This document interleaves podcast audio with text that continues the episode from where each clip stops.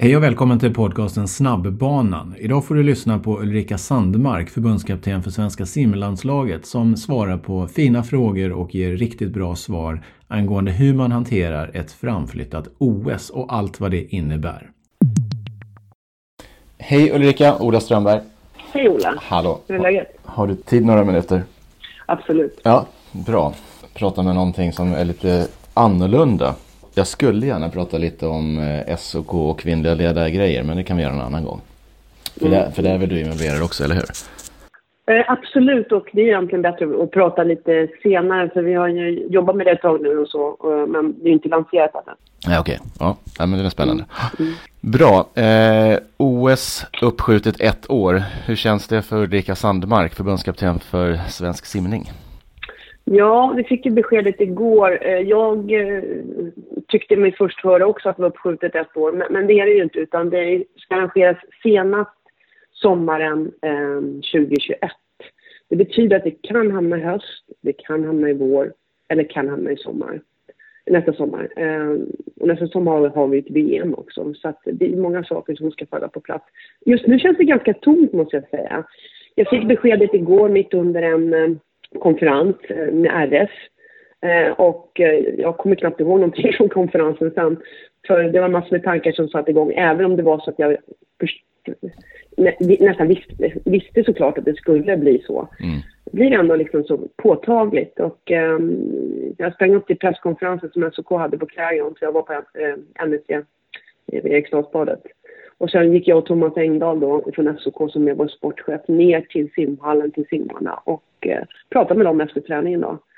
Eh, man får ju försöka prata om det som man vet, vilket man egentligen inte vet, för mm. det kan förändras. Mm. Eh, mycket speciell situation, men otroligt utmanande, men eh, vi har ju fördelen i Sverige att vi har kunnat simma hela tiden och fortfarande kan, mm. vilket ju är fantastiskt bra. Just det. Och, och de här andra länderna som de har stängda bassänger, hur, hur länge kan man ha en stängd bassäng och bara köra landträning som simmare utan att det påverkar mycket, tror du? Oj. Jag kommer ihåg en strejk vi hade, en kommunalstrejk i Sverige för ett antal år sedan. Eh, där alla kommunala bad stängdes ner och man blev tvungen att eh, ja, hitta andra sätt att träna på.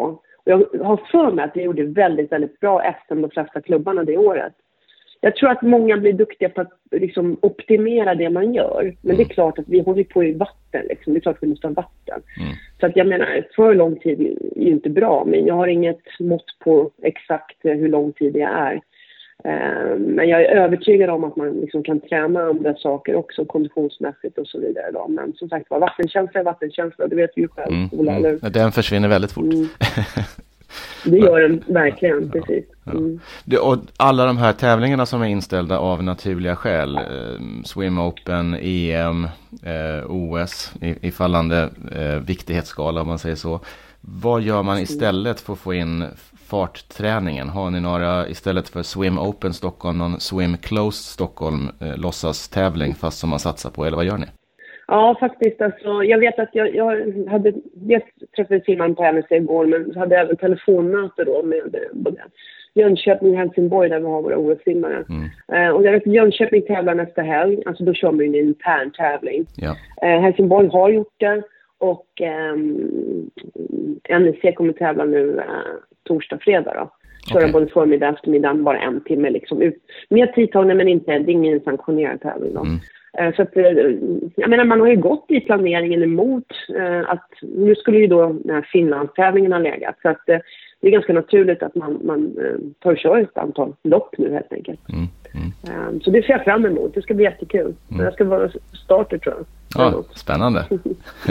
ja. En, kopplat då till OS, det är ju precis som du sa här nu att det är från nu och så ska det avgöras någon gång från eh, i sommar fram till nästa sommar. Det gör ju det kanske ännu svårare mm. såklart att planera. Har de sagt någonting om liksom, när de kommer med nästa besked om när det faktiskt ska ligga? Nej, inte vad jag vet. Mm. På presskonferensen fick eh, Peter Reinebo den frågan och eh, sa han, jag tror det var då han tänkte, men eh, att kanske om en månad eller någonting sånt. Mm. Men jag tror att det är svårt att, att säga för anledningen är väl helt enkelt för att se hur det, det smittspridningen blir liksom för de olika länderna här nu och när man får det under kontroll. Mm. Eh, det är så svårt att säga eftersom vi har olika strategier tänker jag också. Och olika sjukhussystem och allting. Ja, exakt. Att, eh, men, men vi, vi, vi jobbar för att... Eh, vi har i alla fall som mål att vi har tävlingar i juni. Så vi har ju vårt SM då, mm. som går i slutet av juni.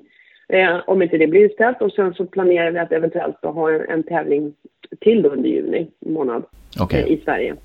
Mm. Och sen har vi då ett EM i augusti om det blir av.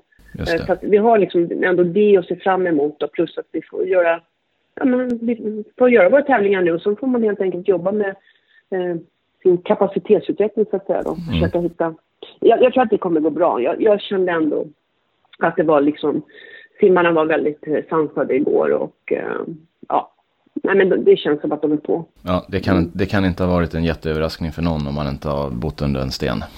Nej, precis. Så, så, är det. Och de som redan är kvalade till OS, vet man vad som händer med den så att säga, kvalprocessen? Nej, den frågan kom ju upp igår då när vi satt och pratade. Eh, och det eh, handlar ju lite grann om hur fina, alltså när tävlingen hamnar. Mm. Och hur då kvalperioderna ser ut. För det är ju alltid kvalperioder till OS. Eh, och det kan ju vara så att de tiderna som är gjorda då hamnar utanför den kvalperioden. Så det vet, vet vi ingenting om just nu. Um, så att, nej, inget svar just nu på hur, hur det kommer att hanteras. Mm. Om man tittar lite på antalet eller vilka som, som du hade som ambition eller mål att ha med. Vad, eh, vilket antal i numerär hade du känt, fan det här, nu har vi lyckats om vi har en sån tillräckligt bred och även spetsig trupp? Nej men rimligt som var nu då, då det är ju max 10 stycken, kanske 9 stycken. Mm. Um, det, det, är inte fler Eh, för det är ju Finas A-kvaltid som gäller och eh, alltså nej, det är det ju egentligen inte för det är topp 8 i världen då va? men man måste åtminstone ha klarat Finas A-kvaltid för att kunna anmäla till OS. Och den kvaltiden är ju eh, inte väldigt många som uppnår. Mm.